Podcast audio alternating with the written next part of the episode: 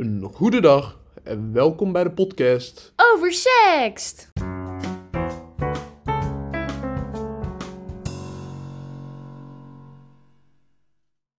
Hallo, mijn naam is Josh En ik ben Iris. en vandaag gaan we het hebben over. Seksueel overschrijdend gedrag in Nederland. Ja, blij- blijf eens even van me, van me af. Oh. Want, eh, we hebben een Oh. beetje ruimte tussen ons. eh. Sorry, ik eh, ken mijn eigen grenzen soms niet. Nee, ik wil dit wel professioneel houden. Oké, oké. Maar ja, seksueel overschrijdend gedrag is, is best wel een issue, vind ik. Maar wat, wat, sta jij, wat versta jij onder seksueel overschrijdend gedrag? ja, nou, die klap op mijn kont vanochtend bij het koffiezetapparaat, die kon echt niet. Sorry man. Ja, ik, eh, ik moet mezelf soms inhouden als ik dat, eh, als ik dat zie. Nee, maar... Nee, schat, jij mag altijd op mijn kont slaan. Dankjewel, dankjewel. Maar wanneer gaat het voor jou, eh, wanneer gaat het voor jou te ver? Ja, dat verschilt. Het is gewoon wanneer ik het niet wil. Oké. Maar stel je voor, ik sla je op je kont en je had eigenlijk zoiets van, nou, dat had niet gehoeven. Zie je dat dan als dat ik te ver was gegaan?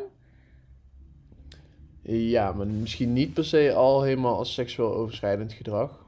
Het komt omdat ik dan niet mezelf per se aangevallen zou voelen. Stel, het zou ook in de club gebeuren. Maar als je me vol bij mijn kruis zou grijpen, dan zou ik het wel weer anders vinden. Ja, oké, dat is waar. Ik denk ook misschien ook wel dat er een verschil zit tussen ehm seksueel overschrijdend gedrag bij mannen versus vrouwen. Ja, maar ik denk dat het ook wel een verschil is wie het doet. Ehm, ja, dat zeker. Stel, je laat je auto eh, repareren en een vieze monteur slaat in één keer op je kont. Dan is het anders dan wanneer een van je vrienden het voor de grap doet. Ja, dat is waar. Dat is zeker waar. Ik moet zeggen, bij vriendinnen die sla ik ook altijd op de kont. En eh, nee, van mij kunnen ze het denk ik hebben. Maar ja, dat is ook maar een aanname. En als je toch wel over dit onderwerp gaat praten, dan ligt denk ik de grens van wat wel en niet kan ook bij iedereen, eh, bij iedereen anders. Ja. ja, ik denk persoonlijk dat de goede maatstaf in ieder geval is eh, van vreemden blijf je sowieso af.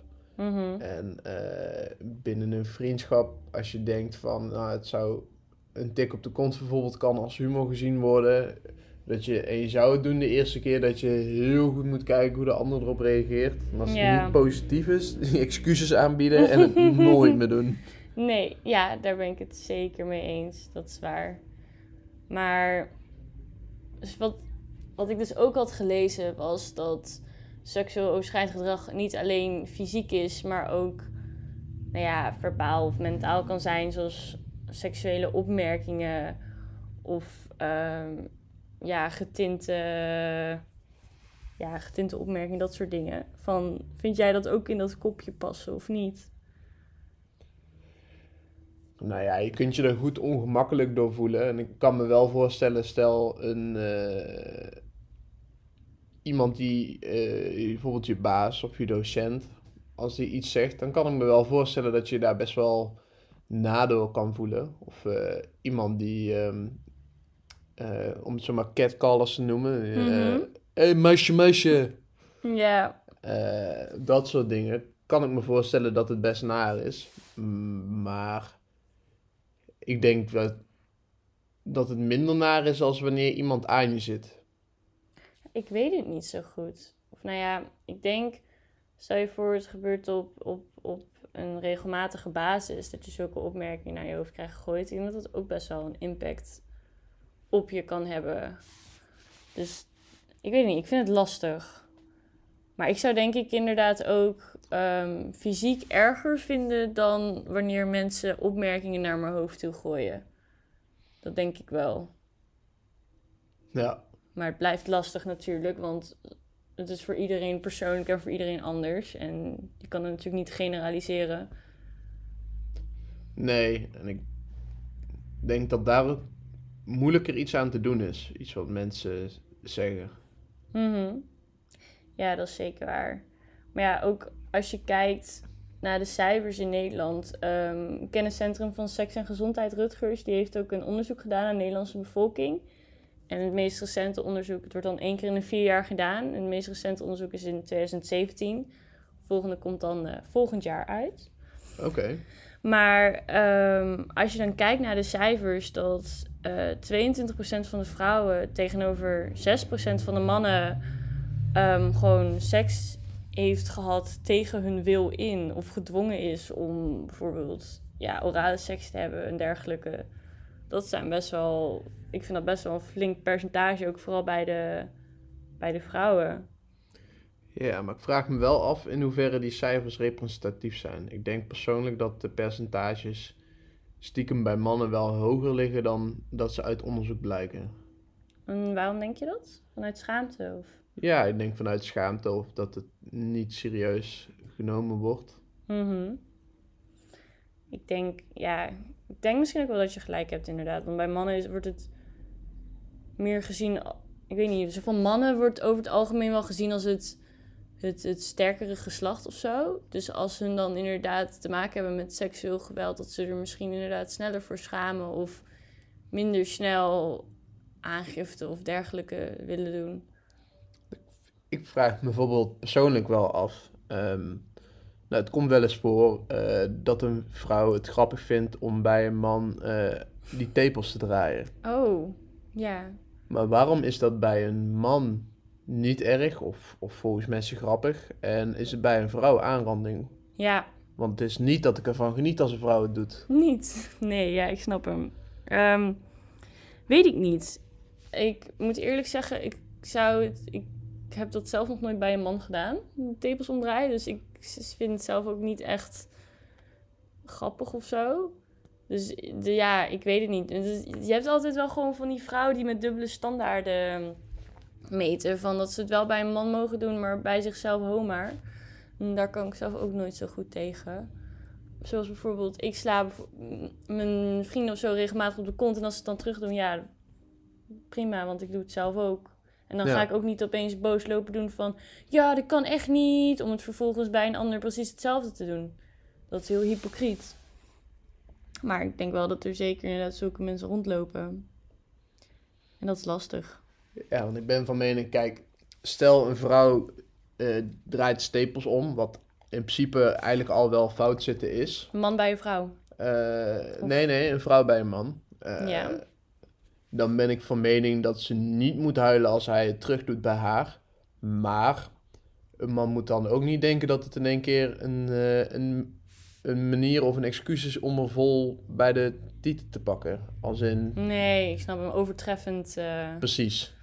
nee. Maar ehm, ja, ik denk dat het ook eh, vrouwen best wel beter bij zichzelf na moeten denken van goh,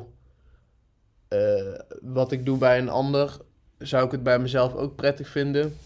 Mhm. En als het antwoord nee is, dan moet ik het misschien maar niet doen. Nee, klopt. Want dan geef je zelf ook het verkeerde voorbeeld uit. En als mensen dat voorbeeld dan volgen, dan inderdaad, dan is het ook niet oké. Maar ja, als het dan inderdaad een overtreffende trap doen, dan is het gewoon niet goed te praten. Maar dat is wel lastig bij dat soort onderwerpen. Vooral ook omdat in mijn objectiek dat het vooral gebeurt tijdens het uitgaan of met drank of verdovende middelen. Een beetje in dat het dan vaak fout gaat. Dus dat, ehm, dat vind ik wel lastig. Ja, Dat je er zelf dan niet helder bij bent wat er gebeurt. nee, ja, daar komen inderdaad vaak de meeste dingen voor.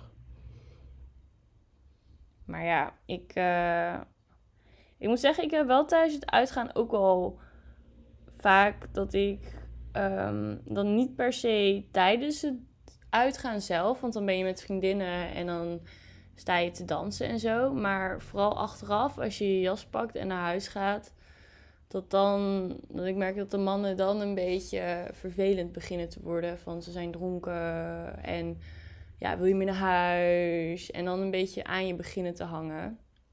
En meestal als je dan met een groepje meiden bent, dan kan je nog wel zeggen van nee, weet je wel, laat me met rust.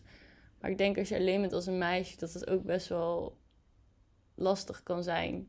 Ook omdat mannen fysiek sterker zijn dan vrouwen, over het algemeen. Ja, ja het, is, eh, het is best wel lastig. Sowieso, van de ene kant zou je kunnen zeggen, ja, no go, doe het niet. Ja. Ehm, Maar van de andere kant is het wel, je wordt als man zijn, word je aangeleerd om eh, ja, de eerste stap te moeten zetten. Mhm. Eh, is dat uiteraard op die manier zoals je het beschrijft niet de juiste manier. maar ik denk dat het wel het resultaat is van ehm, weten van, oh, ik moet de eerste stap zetten. En dat het vaak degene die dat doen, mensen zijn die het totaal niet durven in een normale eh, situatie. Maar zich dan vervolgens zo lam gezopen hebben. eh, dat ze het uiteindelijk wel durven, maar gewoon niet meer in staat zijn om het op een normale manier te doen. En dat Hmm. dat het resultaat is. Dus ik denk eigenlijk dat degenen die zo het op die manier doen, vooral de hele zielige jongetjes zijn, die, eh, die eigenlijk helemaal niet op je af durven stappen en het maar op die manier doen. Of ja, de mensen die gewoon, natuurlijk zitten er ook gewoon klootzakken bij die het eh, grappig vinden en het machtsspelletje zien. Maar ehm, in beide gevallen eh, ben je van binnen in ieder geval heel zielig. ja, daar ben ik het mee eens.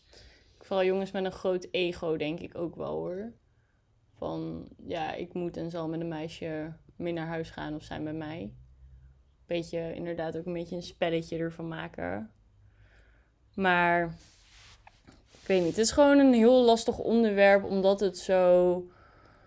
Het is echt een grijs gebied. Het is niet echt, ja, seksueel overschrijdend gedrag is wel te definiëren van gewoon seksuele handelingen of getinte opmerkingen waar jij zelf niet achter staat, waar- wat je zelf niet wil. Maar ja, voor de ander is dat super lastig in te schatten en per persoon is het verschillend. Dus er is ook niet echt een soort van, als je, een, als je ergens te lang geparkeerd staat, ja, dan krijg je een boete. Maar met seksueel overschrijdend gedrag, er zit, het is zo'n grijze zone dat het gewoon lastig is, denk ik ook, om te herkennen. En te, ook bij jezelf heb ik dat ook wel gemerkt van wanneer ben ik het ermee eens en wanneer ben ik het er niet mee eens. Als meisjes onzeker worden, gaan ze bevestiging zoeken. En dan meestal bij, eh, bij, eh, ja, bij mannen. En dan kan het voorkomen dat ze dingen doen die ze eigenlijk achteraf gezien niet hebben willen doen, maar door misschien hun onzekerheden een beetje te verbloemen of een ego te strelen, dat ze er dan mee akkoord gaan, maar er eigenlijk niet achter staan. Maar ja, dat is het hele, het hele ingewikkelde van het menselijke, menselijk gedrag. We doen soms dingen die we eigenlijk niet willen doen, maar we doen het toch. Ja, ik denk dat ook wel lastige dingen kunnen zijn, inderdaad, hè, om nog, voordat we naar een ander stuk gaan, nog even in het dronken scenario te blijven. Mhm. Ehm, dat als je dronken bent, dat je best wel met iets, met de situatie mee kunt gaan. eh, en dat je er dan op het moment dat je erin zit er niet bij nadenkt, maar dat je de dag erna, eh, of, het moment, of op het moment dat je weer iets nuchterder wordt, denk bij jezelf van, hmm, dit had ik liever niet gedaan. Of, eh, ja, en dat soort situaties vind ik ook dubbel. Want ik, ehm, ik ben van mening dat eh, als je weet dat een ander dronken is en niet in staat is om zelf beslissingen te maken, dat je dan eigenlijk eh, ja, niet erin mee moet gaan. Maar ja, als iemand in dronken staat, eh, terwijl jullie bijvoorbeeld allebei dronken zijn en een van de twee zegt ja, is goed. En achteraf dacht, was toch niet goed.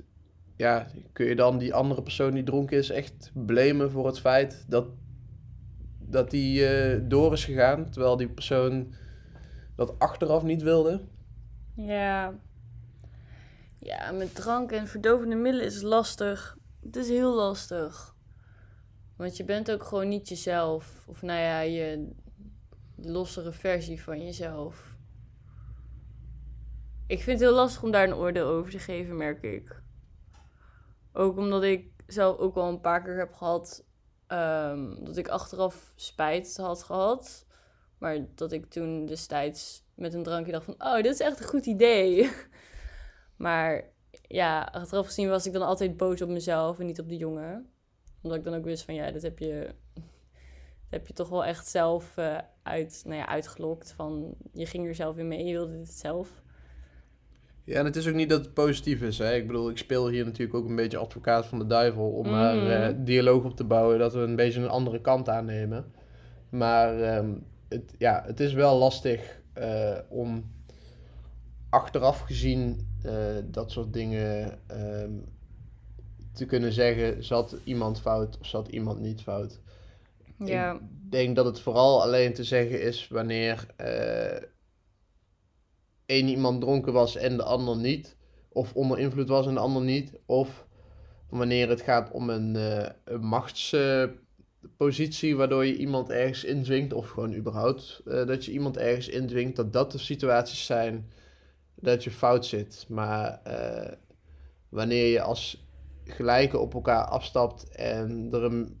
eh, eh, een misverstand is door het gebrek aan communicatie vanuit één kant, Mhm. dan wordt het heel lastig om, eh, ja, om te zeggen of, iemand, of de ander dan daadwerkelijk fout zat. Want misschien heeft hij wel tot in zijn beste staat beoordeeld. Ja, Mhm. Misschien klopte dat dan niet, maar ja. Nee, ik snap hem wel. Heb jij, eh, ja, als jongens van het onderzoek zijn de cijfers dan veel lager dan die van vrouwen. Maar heb jij zelf als man wel eens meegemaakt van, ja, ik doe nu iets wat ik eigenlijk niet wil, maar ja, ik doe het toch? Of iets van, omdat die cijfers van vrouwen zoveel hoger zijn dan die van mannen, vraag ik me af van, heb jij zoiets meegemaakt? Of, Ja. Zeker, ja, sowieso. ehm, ja, wel verschillende dingen. Ehm, ik ben 's ochtends een keer wakker geworden naast iemand waar, dat ik er niks meer van wist. oh jezus. En eh, dat ik ook dacht bij mezelf van, eh, hier ben ik niet blij mee. En eh, een keer dat, ehm, ja, toen ik jonger was, dat iemand zijn, eh, zijn machtspositie eh, over mij wel eh, misbruikt heeft om Ja. mij dingen te laten doen die ik niet wilde. Dat is wel echt heel naar. Ook vooral omdat die persoon dan meer macht over je hebt en dat dan ook gewoon weet. Ja, en ik was, ik was vrij jong, dus Ja. Dat soort dingen mogen eigenlijk nooit gebeuren. nee. Overigens eh, niemand eh, van mijn familie hoor, die, eh, die dat gedaan heeft. Mhm. Mogen dat wel duidelijk zijn, niet dat iemand dit luistert en denkt van wie uit zijn familie is de schuldige. Dat is niet het geval. nee, maar er lopen zoveel, zoveel twisted minds rond op deze wereld. Dat is echt niet oké. Maar, en jij dan? Ehm, nou, mijn eerste ervaring. Ik was toen eh 11 of 12 of zo. En ik denk dat ik 12 was. En ehm, ik was met mijn moeder was ik in eh, Turkije op vakantie. En daar heb je allemaal van die, eh, van die winkeltjes met allemaal nep merkbroeken en zo, weet je wel. Ja, En eh, nou, mijn moeder die vond het leuk om een keer zo'n eh, zo'n Gucci broek of zo te proberen. Kijken of dat was. En mijn moeder zat in het eh, pashokje in een van die Turkse winkeltjes. En ik, ehm, nou ja, zat te wachten. En op een gegeven moment kwam er een Turkse man naar me toe. Ik denk dat hij, ja, had al, ik denk dat eh, rond 18, begin 20, een beetje die leeftijd. In ieder geval veel ouder dan dat ik was. En eh, toen begon hij opeens, wilde, vroeg hij me opeens ten dans in een winkel. Toen had ik al zoiets van, oké, maar ik kon geen Engels. En ze spraken er ook deels Duits. Ik kon geen Duits, ik kon geen Turks. Ik kon mezelf helemaal niet spreekbaar maken. Ehm, dus nou, ik dacht, nou, oké, ik eh, durf ook geen nee te zeggen. Want ja, ik was 12. Ik had nog nooit aandacht gehad van, van een man. Dus ik was helemaal overwhelmed. En op een gegeven moment toen stak hij dus zijn tong in mijn mond. En terwijl mijn moeder haar broek aan het passen was in het kleedhokje gewoon ernaast. En toen die me zoende, had ik het ook meteen van, ik verstijfde helemaal. En toen mijn moeder uit het pashokje kwam, zijn we meteen weggelopen. En ik heb echt de hele, hele vakantie lopen huilen. Want het was mijn eerste zoen. En ja, een beetje, ik ben zo'n meisje die dan helemaal romantiseert van, oh, mijn eerste kus, mijn eerste zoen. Wordt helemaal mooi. En vervolgens gebeurt er dat. Want had jullie moeder ehm, hem betrapt, zeg maar? Nee, nee. Het, eh, het, was, het gebeurde heel snel. Het was eigenlijk midden toen, toen ze in dat pashokje zat. En toen ze eruit kwam, zei ik tegen moeder... Hey, ze zag gewoon aan mijn hoofd van, oké, we moeten gaan. Toen later vertelde ik dus wat er gebeurd was toen we de winkel uit waren. En eh, ja, mijn moeder probeert het dan, eh, wat ze overigens wel goed deed hoor, probeert het dan een beetje te relativeren van, joh meid, het is maar een zoen, maakt niet uit, want ik was helemaal overstuur. En ja, aangifte doen was ook niet echt een optie, want ja, je zit in een vreemd land. We waren in een of ander winkeltje en om dan terug te traceren, dat is... Ja, we hebben er uiteindelijk niks mee gedaan, maar ik merk ik had echt wel, denk ik wel, vijf weken, vier weken gewoon dat ik me gewoon vies voelde in mijn eigen lichaam. En dat was wel heftig als twaalfjarige om dat mee te maken. Ik denk ook dat Turkije niet het handigste land is voor twee vrouwen. nee, maar stel, ehm, er was een man bij geweest, bijvoorbeeld je broer of zo. Ja, dan was dat nooit gebeurd waarschijnlijk. Nou ja, en dat. En dan zou je ook uh, makkelijker naar bijvoorbeeld de politie toe, toe kunnen stappen en uh, er echt wel een ding van kunnen maken. Maar ik ja. heb het, ja, naar mijn idee kun je als uh, vrouw zijn in Turkije toch wel een beetje als tweede rangs burger gezien worden. En ja, dat ze dan misschien een zaak eerder wegbuiven of zo. Weet ik niet. Het kan. En ik denk vooral dat het bij toeristen minder serieus wordt genomen. Maar het heeft me wel geholpen dat ik veel eerder mijn grenzen aangeef wat ik wel en niet wil. Um, omdat mijn eerste, nou ja, seksuele ervaring, mijn eerste ervaring zo kut was. Dat ik toen wel had van, oké, dit gaan we dus niet meer doen. Maar ja, het is überhaupt als je gewoon in de puberteit zit en opgroeit. Het, het is wel nog, ondanks dat ik mijn grenzen, wat ik dacht, beter durfde aan te geven, is het nog wel gewoon een paar keer fout gegaan. En maar ik ben nu echt, denk ik, het laatste jaar, denk ik, sinds mijn twintigen, dat ik echt heb van, ja, dit doen we niet. Ik geef heel duidelijk mijn grenzen aan en daar wordt gewoon niet overheen gegaan. Maar ja, dat heeft dus gewoon acht jaar geduurd voordat ik op dit punt is van, yo, hier niet verder. Daar is de deur. Ja. Um, dus ja, dat. Ja, ik denk dat het. Uh, ja, sowieso is het. Ben, is het positief dat je er nog een positieve les voor jezelf uit hebt kunnen halen. Mm uh, en dat je, nou ja, soort van maar vier weken last van hebt gehad. uh, weten dat er mensen zijn die er veel langer last van hebben. Ja, klopt.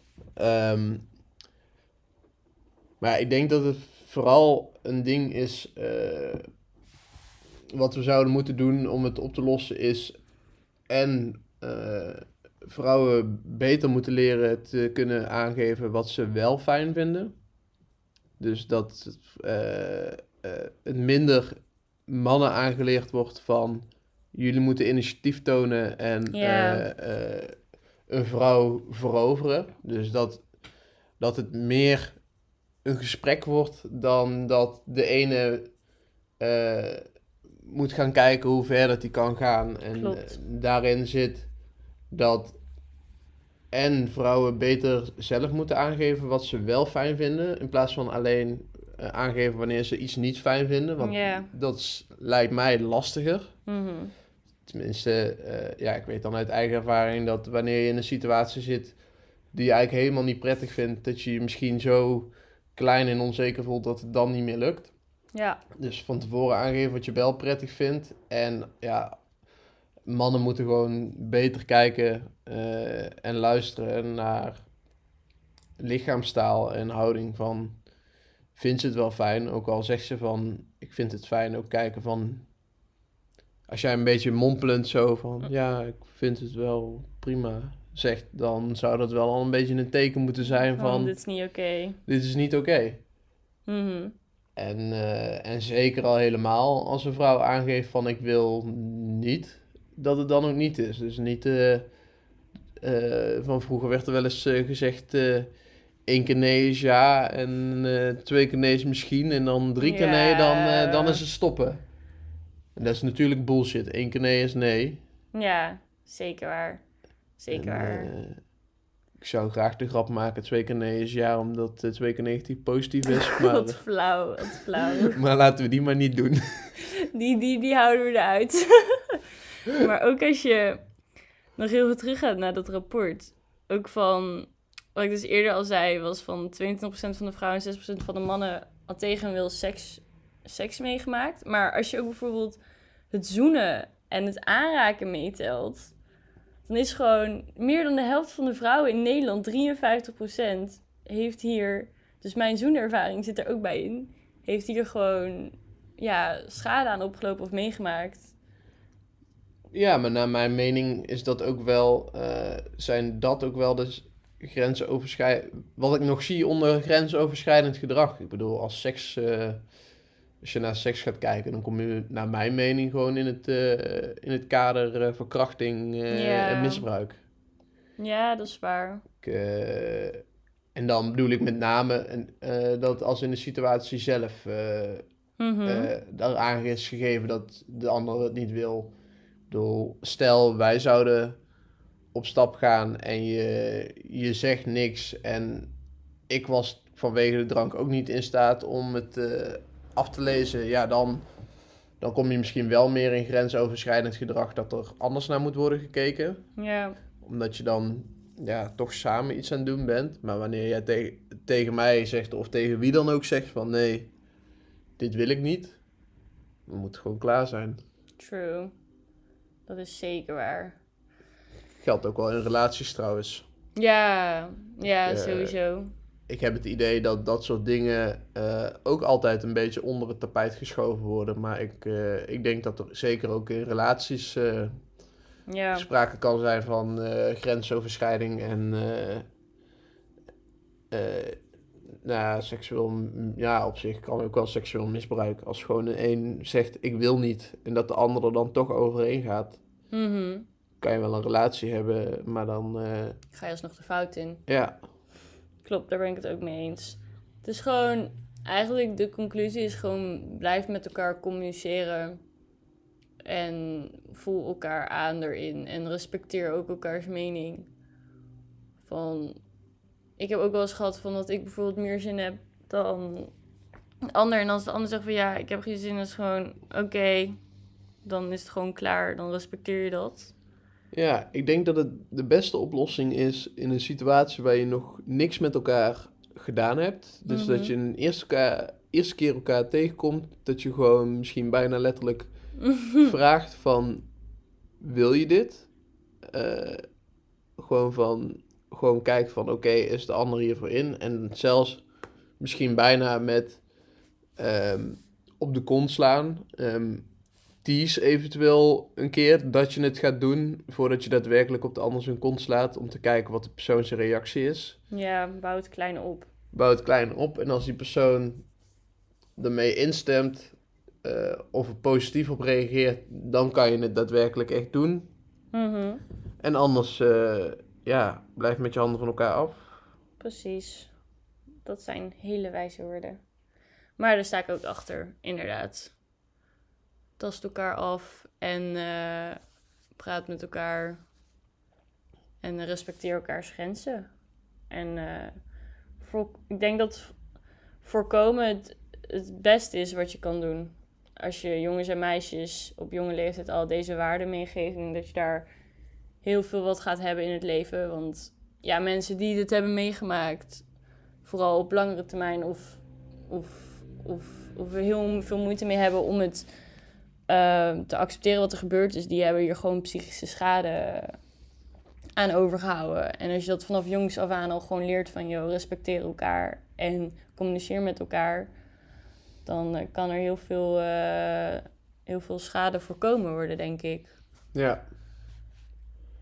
En laat ook, eh, ook met seksuele voorlichting zou ik zeggen, ehm, voor, voor ouders zijnde, geef samen voorlichting of eh, laat eh, ook bijvoorbeeld de moeder aan de zoon en de vader aan de dochter voorlichting geven.